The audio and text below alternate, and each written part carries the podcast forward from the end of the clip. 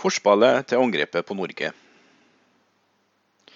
Nordmennene var ikke så overraska over at andre verdenskrig brøt ut. Hitler hadde rasla med våpnene i lang tid. Han hadde tatt tilbake Rhinland, slått Tyskland sammen med Østerrike, okkupert Tsjekkoslovakia og gått til angrep på Polen. Da Tyskland angrep Norge i 1940, så kom det som et sjokk på de fleste nordmenn. Nordmennene hadde tenkt i samme baner som de gjorde under første verdenskrig. De trodde ikke at krigen i Europa ville spre seg opp til Skandinavia. Norske myndigheter reagerte på urolighetene på kontinentet ved å erklære landet vårt for nøytralt. Flyvåpenet og krigsflåten var satt i alarmberedskap. Kystforsvaret og Hæren ble delvis mobilisert. Norske myndigheter mente at det ville bli vanskelig å importere forsyninger til Norge under en krig. Derfor oppretta de et eget forsyningsdepartement under ledelse av Trygve Lie. Nesten med en gang ble sukker, kaffe og bensin rasjonert.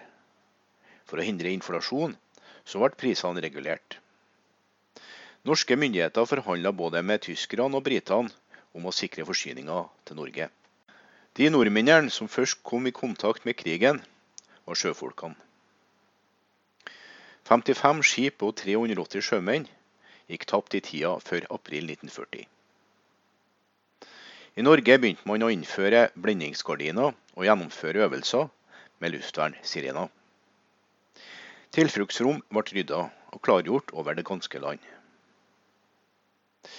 På 30-tallet hadde det vært skarpe motsetninger mellom høyre- og venstresida i norsk politikk. Arbeiderpartiet og Høyre hadde inntatt en mer forsonende holdning i tida før andre verdenskrig. Fra 1935 og i årene frem mot krigen så var det Johan Nygaardsvold og Arbeiderpartiet som styrte Norge. I årene før andre verdenskrig så hadde økonomien gått godt. De harde 30-åra var over.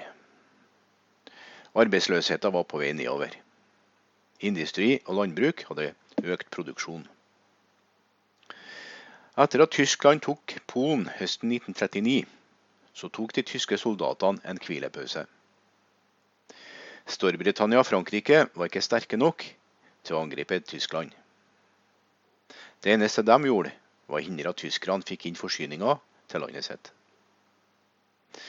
Tida frem til angrepet på Norge og Danmark ble kalt for the phony war.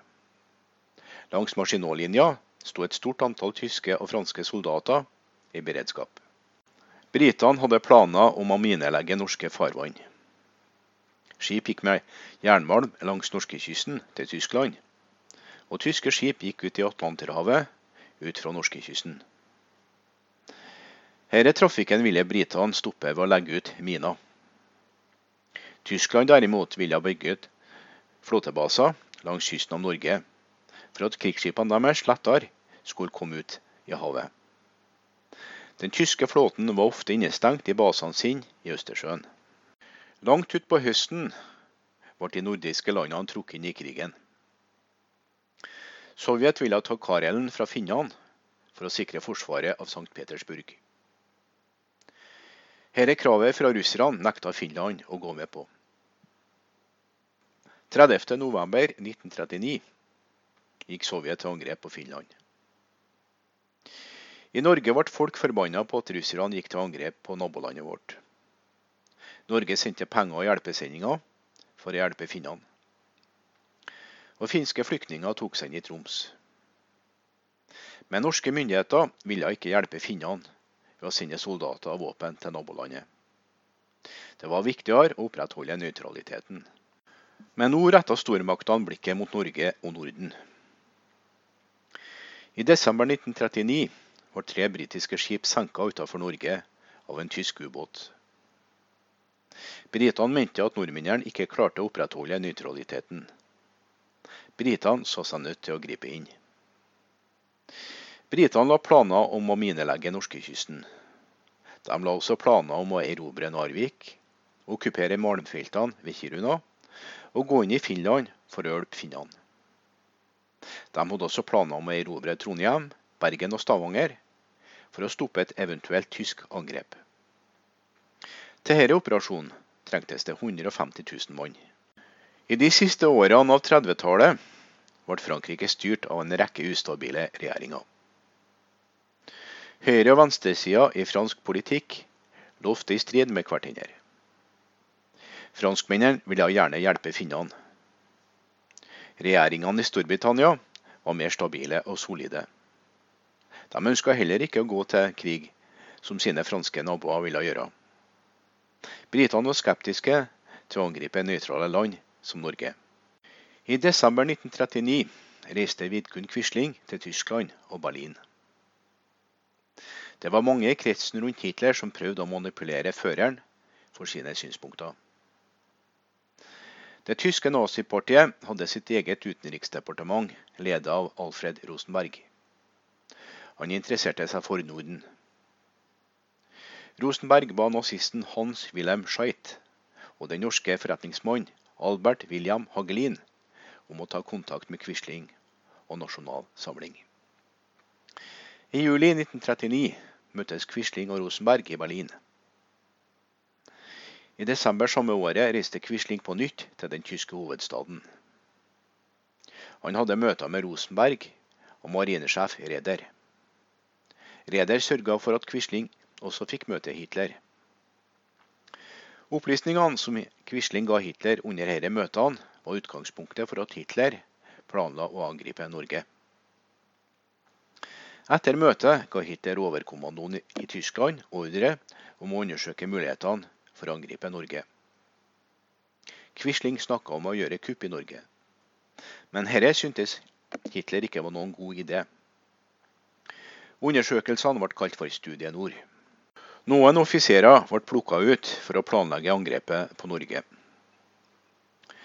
Kodenavnet på operasjonen ble kalt for Weserubung. Omtrent samtidig la de allierte planer for en invasjon av de skandinaviske områdene. Altmark-affæren skulle få fart på begivenhetene. Altmark var et tankskip som bisto det tyske panserskipet Admiral Graf Spee med drivstoff. Panserskipet jakta britiske skip ute på verdenshavene. Admiral Graf Spee senka syv britiske skip. Fangene var tatt om bord på Altmark. Skipet kom inn i norske farvann 14.2.1940. To dager senere kom britiske krigsskip inn langs norskekysten. De jakta på Altmark. Det tyske tankskipet så seg nødt til å søke ly i Jussingfjorden. Det britiske krigsskipet Kosak tok seg inn i fjorden og bora Altmark. De britiske fangene om bord ble satt fri, men noen tyske soldater ble drept i tumultene. Både britene og tyskerne skyldte på at Norge ikke klarte å holde fremmede makter bort fra farvannene sine. Både britene og franskmennene gjorde seg klare til en invasjon av Norge og Skandinavia. Krigsskip ble samla i engelske og franske havner. Britene og franskmennene sendte diplomater til de nordiske landene for å få klarsignal til en invasjon. Men svaret fra Norge, Sverige og Finland var et klart nei. 12.3 var de allierte klar til å dra til Skandinavia. Altmark-affæren ga den konklusjon at Norge ikke kunne forsvare sin nøytralitet lenger. Hitler ga staben i Weserübung ordre om å trappe opp forberedelsene. Skip, utstyr og mannskaper måtte samles. Hitler var nå fast bestemt på å invadere Norge. General Niklaus von Falkenhorst hadde 20.2.1940 et møte med Hitler. Han fikk i oppdrag å skissere hvordan han ville okkupere Norge. Generalen tok utgangspunkt i en reisehåndbok for Norge. General von Falkenhorst stab arbeidet på spreng, og de la frem sin foreløpige invasjonsplan av Norge 28.2. Hitler godkjente planen, og han sa at den skulle settes i verk i midten av mars 1940. Men invasjonen kunne ennå ikke settes i verk. Tyske skip lå nå innefrysa i havna i Østersjøen. Norske myndigheter fulgte med på hva som foregikk ute i den store verden. Fly og nøytralitetsvakter ble satt i beredskap i Finnmark. Russiske fly hadde blitt sett over i Finnmark. Spioner begynte å operere i Norge. Frivillige nordmenn begynte å strømme til skytterlagene, og det ble arrangert kurs for skytevillige nordmenn. Det ble samla inn penger til luftvernet, og det ble rigga opp luftvern på strategiske plasser i Oslo. Nesten en tredjepart av alle nordmenn gikk uten arbeid i mars 1940. Samtidig var det også mangel på brensel. Regjeringa brukte mer penger på Forsvaret, og visse avdelinger ble satt i beredskap. Men det gjaldt å opptre korrekt i forhold til Tyskland og Storbritannia, for ikke å utløse krig. Norske myndigheter oppførte seg korrekt overfor stormaktene, for å unngå å bli innblanda i en krig. Nøytralitetsvernet ble mobilisert. Det ble også brukt mer penger på Forsvaret. I midten av mars var vinterkrigen over. Nå var det ikke lenger grunnlag for at de allierte gjorde en invasjon i de nordiske landene. Det var britene som avlyste invasjonen. I Frankrike diskuterte man hardt om man skulle avlyse invasjonen. Britene sendte heller et stort antall soldater til Frankrike. 28.3.1940 møttes britiske og franske toppolitikere til et møte i London. De ble enige om å legge ut miner i Rhinen og på norskekysten. I starten av april ble det bestemt at britene skulle legge ut miner langs kysten av Norge 8.4.1940. 5.4 dro britiske minesveipere mot Norge. Samme dag ble Norge og Sverige advart om minelegginga. Britiske politikere frykta at tyskerne ville komme med militære mottiltak og besette Norge. Derfor ga de ordre om at soldater og krigsskip skulle samle seg i britiske havner. Britene skulle besette Stavanger, Bergen, Trondheim og Narvik. Invasjonen skulle finne sted hvis tyskerne satte sine føtter på norsk jord. 7.4.1940 begynte britiske soldater å gå om bord i krigsskip som lå i Clyde og Fort. Planene var å legge ut miner ved Stad, Bud og Vestfjorden.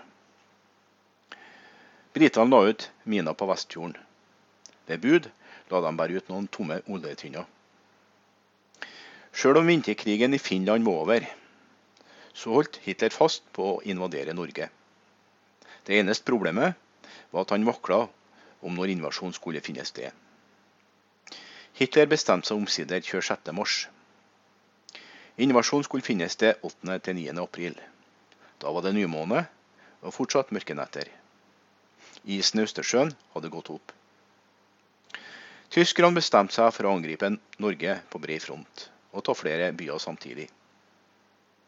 Tyskerne sendte skip mot Oslo, Kristiansand, Stavanger, Bergen, Trondheim og Narvik. Tyskerne hadde respekt for den store britiske krigsflåten.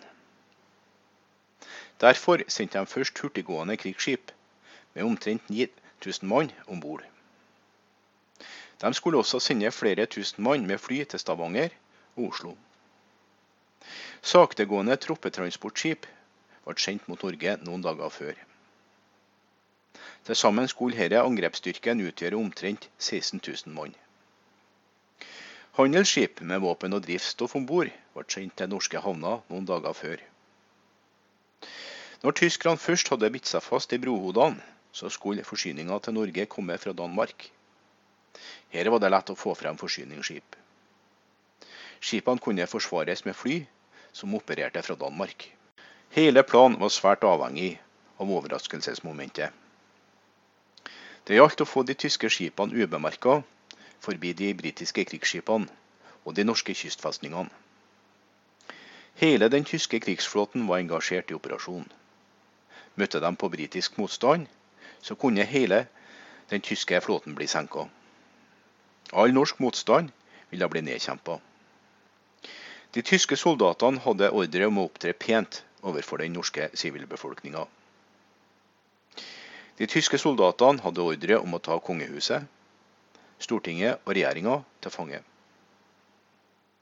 De sendte sendemenn som skulle oppsøke den norske utenriksministeren og komme med krav om overgivelse.